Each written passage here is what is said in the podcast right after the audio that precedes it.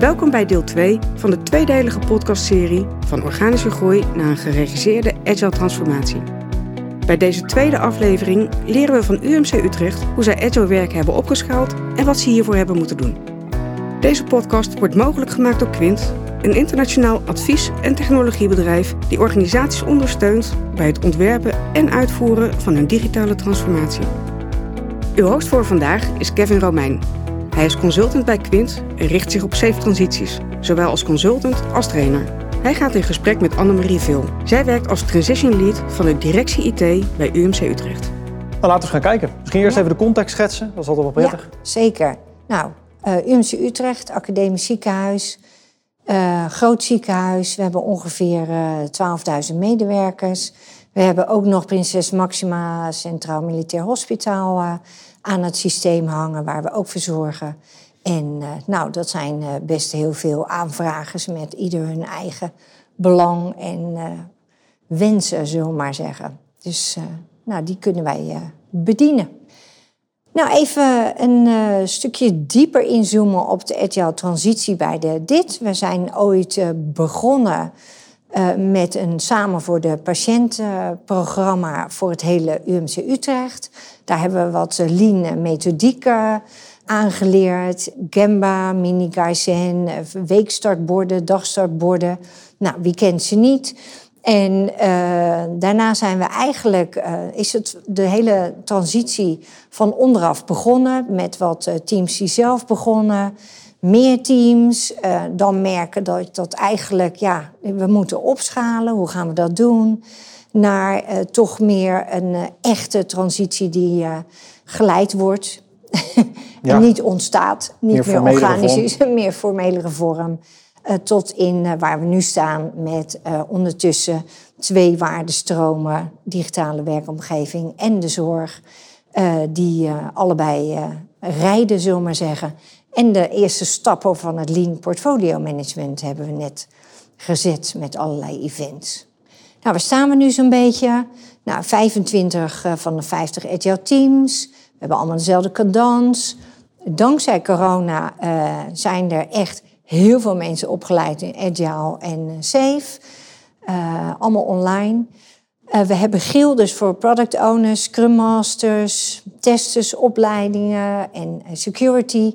Uh, ik zeg niet dat het allemaal al heel goed georganiseerd is, maar we zijn bezig, we zijn op weg. En we zien ook bijvoorbeeld die waardestroom digitale werkomgeving ja, die rijdt nu al wat langer, maar de voorspelbaarheid fluctueert nog een beetje. En eigenlijk wil je dat toch een beetje, nou ja, een beetje richt tussen de 80 rustiger. en 100, iets rustiger hebben. En, uh, maar goed, we hebben nu ook de getallen, we hebben de mensen, de rollen, dus we kunnen erop gaan sturen. En dat willen we natuurlijk ook dadelijk voor zorg, waarbij we aan het einde van het jaar de eerste inspect en adept gaan doen. Nou, ik ben benieuwd. Ja, ja, wat is dan eigenlijk een beetje het kantelpunt geweest? Hè? Zo kijken. Nou, ik denk dat we hem kunnen herkennen of kunnen typeren aan, uh, nou in ieder geval vast kunnen zetten in de tijd op 1 juli 2020. Um, en dat heeft eigenlijk mee te maken, is een beetje een opbouw, maar ik denk drie onderwerpen. Het creëren van zo'n dedicated transitieteam die op dat moment heeft plaatsgevonden. Het, het MT als echt als rol, in de rol van een opdrachtgever. Ja. En ja, tot een bepaalde uh, tipping point gekomen ook eigenlijk in de hoeveelheid mensen die enthousiast geworden zijn om hiermee verder te gaan. Dat is denk ik eigenlijk een beetje wat dat is. Maar hoe is dat dan gekeerd? Dat is natuurlijk de, de vervolgvraag. uh, hoe... nou, we hebben er over nagedacht. Ik denk dat het op vier onderwerpen, categorieën eigenlijk is, heeft plaatsgevonden. Als eerst denk ik het enthousiasmeren. Ja. Een stukje leiderschap wat erin zit. Hè, wat echt cruciaal is, zeg maar, het onderwerp van, van het, onder de, ja, onderwerp, maar ook het, het, het, het, het, hebben van het, of het juiste leiderschap. Het, het, hebben van een transitieteam, wat houdt dat dan precies in? Wat, wat, waarom heb je dat eigenlijk nodig? Waarom zou je dat willen? En uh, wat komt erbij kijken? En een stukje coaching. Maar goed, laten we eens even kijken van, per stuk uh, wat erbij gekomen is. Ja, eerst het enthousiasmeren, want dat is 2016. Dat is ja. al langer, tenminste vanaf, zeg maar. Hè? maar ja, het is iets later gebeurd, denk ik. Ja. ja. Nou, jullie zien hier een beetje een donker plaatje van onze barzaal. Uh, dat is een uh, zaal die uh, beneden bij ons in het gebouw zit, waar eigenlijk iedereen ook langsloopt als hij naar de afdeling gaat. Daar hadden we heel veel informatie aan de muur hangen. Daar waren we ook altijd. Soms met straalkachel, want het was er soms heel koud in de barzaal. Maar wij bleven dapper zitten. Want wij vonden dat daar gewoon altijd iemand moest, eh, moest zijn. Ja.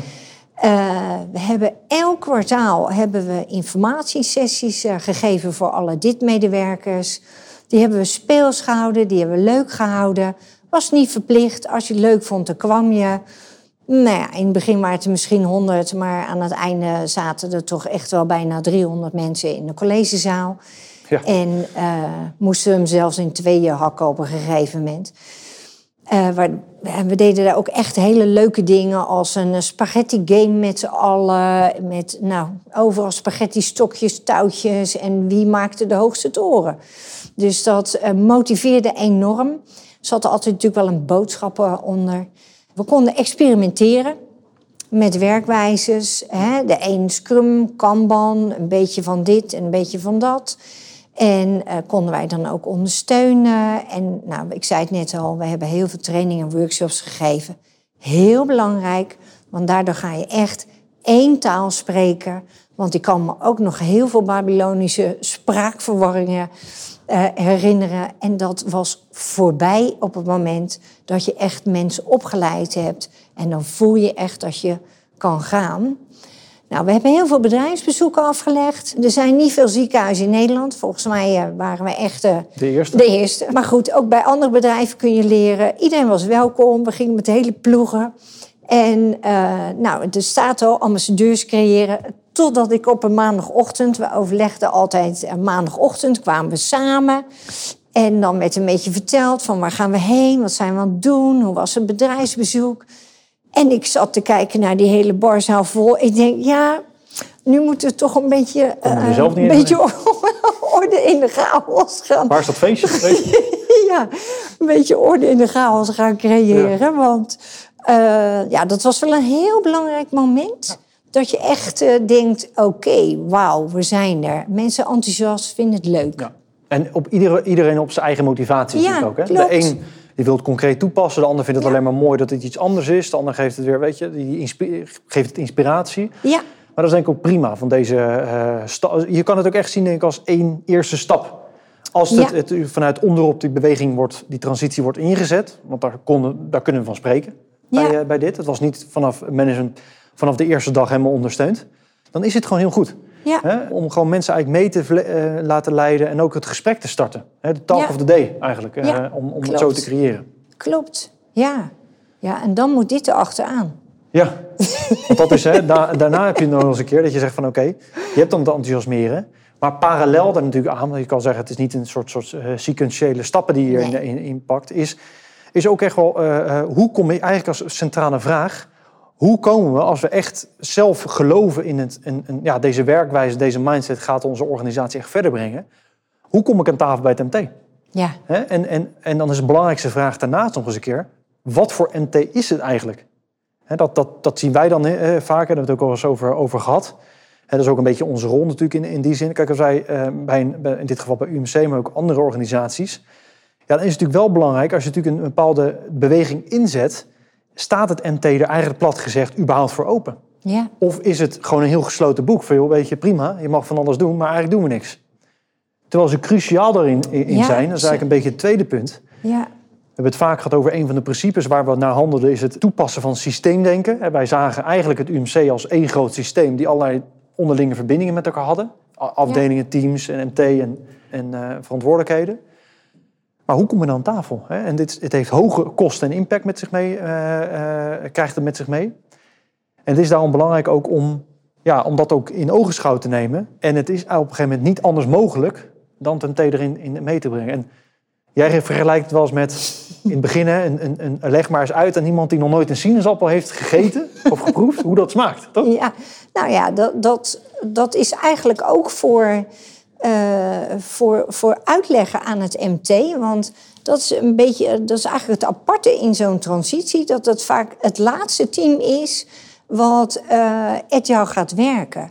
Maar je komt dan in het MT en dan is het een goed idee. Annemarie, kom elke twee weken of elke maand een kwartier in ons MT. En dan eh, neem jij ons mee en dan gaan we kijken wat we daar, eh, hoe je kunnen helpen. Nou, dat soort dingen, hartstikke mooi. Maar hoe vertel ik iemand die zelf nog nooit ervaren heeft wat agile werken uh, is, wat de consequenties van ja, besluiten zijn? Uh, wat ervaren mensen op de werkvloer? Hoe doe ik dat? Welk principe hang je daar eigenlijk uh, achter? En ja, daar zat ik een beetje in een soort gevecht, een beetje kip-ei. Hoe kan ik dat uitleggen in een kwartier? Dat lukt eigenlijk niet. Maar ja, een MT is gewend. Hup, korte stukken en, uh, en weer door en het volgende onderwerp. En nou, dat was best lastig om dat om te draaien, nieuwsgierig maken. Overigens uh, is het MT bij zelf ook uh, met de kennismatrix begonnen. En, en daar is iets gaan gebeuren. En dan zie je dus dat, dat het nu eigenlijk zo ver omgedraaid is dat het MT aan mij vraagt. Annemarie, we hebben echt vragen over hoe doen we dat met die rol en die rol. Wanneer kunnen we eens met z'n allen twee uur, drie uur gaan zitten? Nou, ik was zo blij toen we daar waren.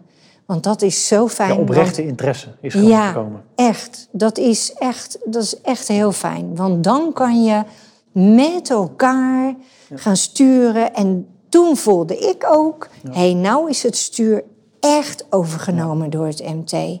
Want als je dat dan probeert te concretiseren... van wat is dan daarvoor...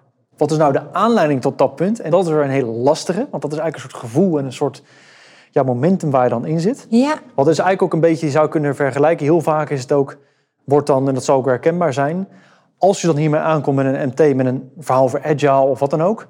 Dan wordt het ook gelijk gezien als methode. Want ja, Prins 2 is een methode. Dus dat is toch gewoon, dat voer je dan toch uit. Dus dan ga je toch mee aan de slag. Waarom moeten we daar allerlei fus voor overhoop halen? Weet je wel? Ja. Ja. Terwijl dit toch echt fundamenteel anders is. En Ja, dat, klopt. dat inzicht, hè, met, samen met die leiderschapstraining en het, af en toe het herhalen en betrekken, heeft er toch uiteindelijk, en Ja. dat- laat ik dat als een soort van ondersteunende factor of zo. eh, eh, Het dat zijn allemaal stapjes in het Incrementele stapjes ja, naar dat het zijn punt. allemaal kleine stapjes. Ja. Ja, zeker. Ja. Ja. Nou, het transitieteam, Ja. daar hebben we wel voor moeten strijden. Want Ja.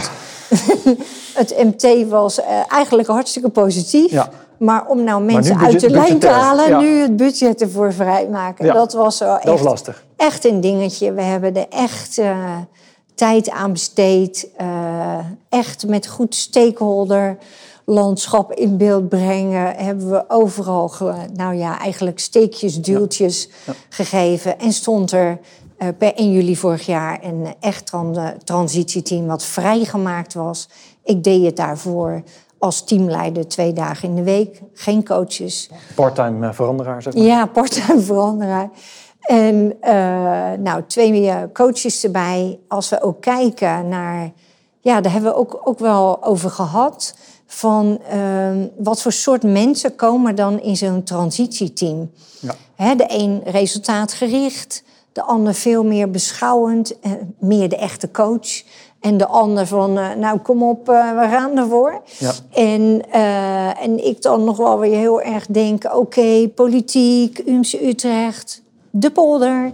Hoe gaan we dat allemaal bij elkaar brengen? Dus Ja, en het reflecteerde natuurlijk ook. Je ziet er ook hè, een aantal, die, die, de vijf Scrum Values, die hebben we even Ja. neergezet als een soort herinnering ook voor onszelf, zeg maar.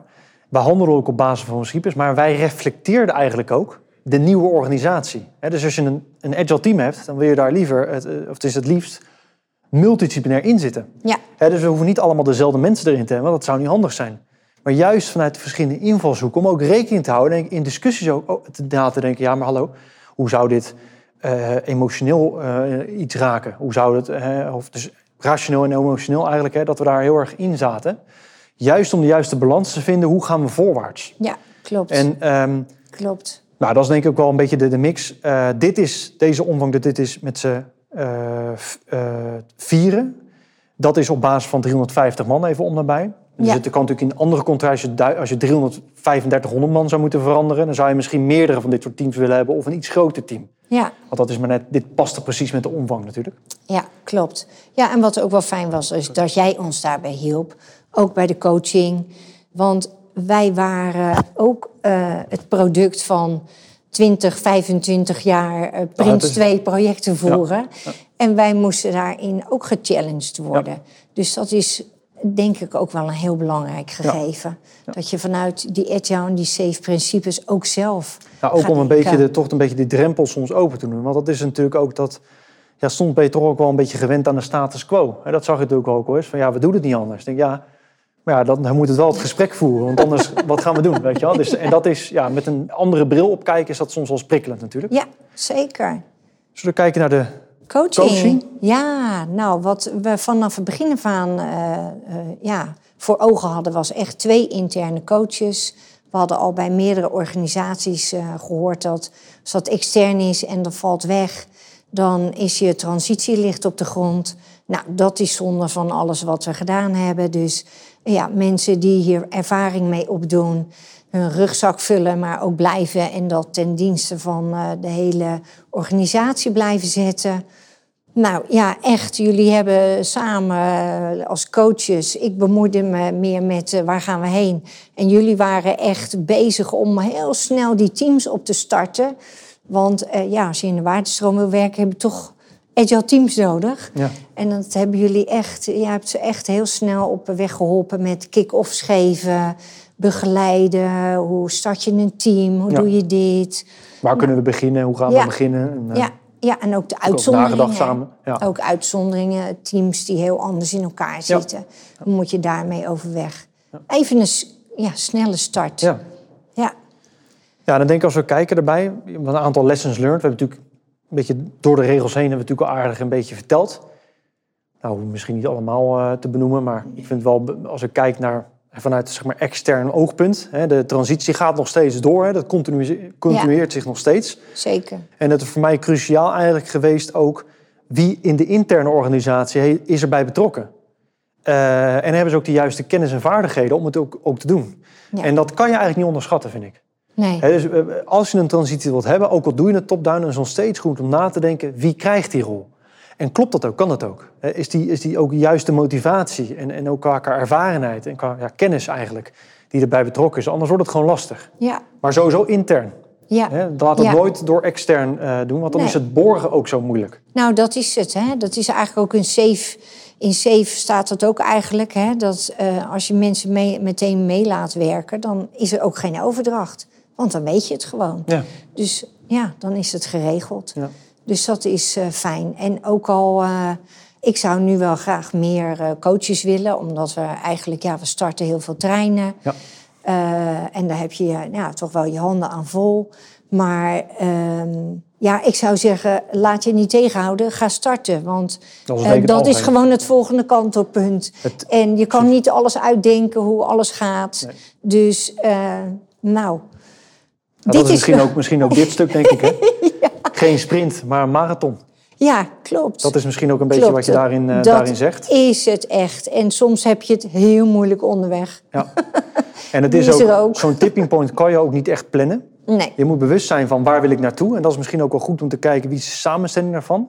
Want wat ik al zei, een van de principes is dat, hè, dat systemisch denken... en dan dit soort beetje een roadmap erachter qua transitie. Ja, waar willen we zeker. naartoe? Tuurlijk kan je een beetje eh, dat plannen, maar het is zo afhankelijk van het systeem, zeg maar. Eh, waar moet ik drukken? Wie moet Ja. ik benaderen? Hoe gaat dat precies? En Ja. wij was bij 1 juli. En relatief gezien hebben we er uiteindelijk wel een langere tijd. Maar als je het netter zou doen qua kracht die we achter hebben gezet, is het zes maanden eigenlijk. Hè? Ja. Die we echt volle focus geweest om dat momentum te bereiken. Het kan soms ook veel langer zijn. Maar ja, dat. Is, dat heb je niet in de hand. Nee, nee, nee, het gaat zoals het gaat. Ja, ja dat is inderdaad zo. Starten en ik denk inderdaad, die, laat het ook zien. Hè? De successen delen, wat hier ook staat. Ja, maar ga op weg. Ja. Dat ze- zeg ik wel heel vaak. Ja. Ook al, al weet je het nog Maak niet. het niet te moeilijk. Maak het niet te moeilijk. Ja, dus het is ook leuk. Ja. Het is Want- ook leuk om Want te dat is het ook, hè, het ook al eens over gehad. Dat je dan vanuit een oude mindset, dat je bent om dan alles in plannen te gieten en dan gaat uitvoeren. Dan zit je eigenlijk al gelijk de eerste stap mis. Ja, Want juist is juist het, het, het, het cruciale begint gewoon. Weet je? En dat enthousiasmeren, je kan niet eerlijk beginnen. Het gaat niet om perfect zijn. Nee, Het gaat gewoon, ga gewoon beginnen. Ga je vanzelf kijken. zo is het. Hiermee zijn we aan het einde gekomen van deze podcast. Dank u wel voor het luisteren en heeft u vragen over dit onderwerp, kunt u mailen naar quint.quintgroep.com of bezoek onze website op www.quintgroep.com.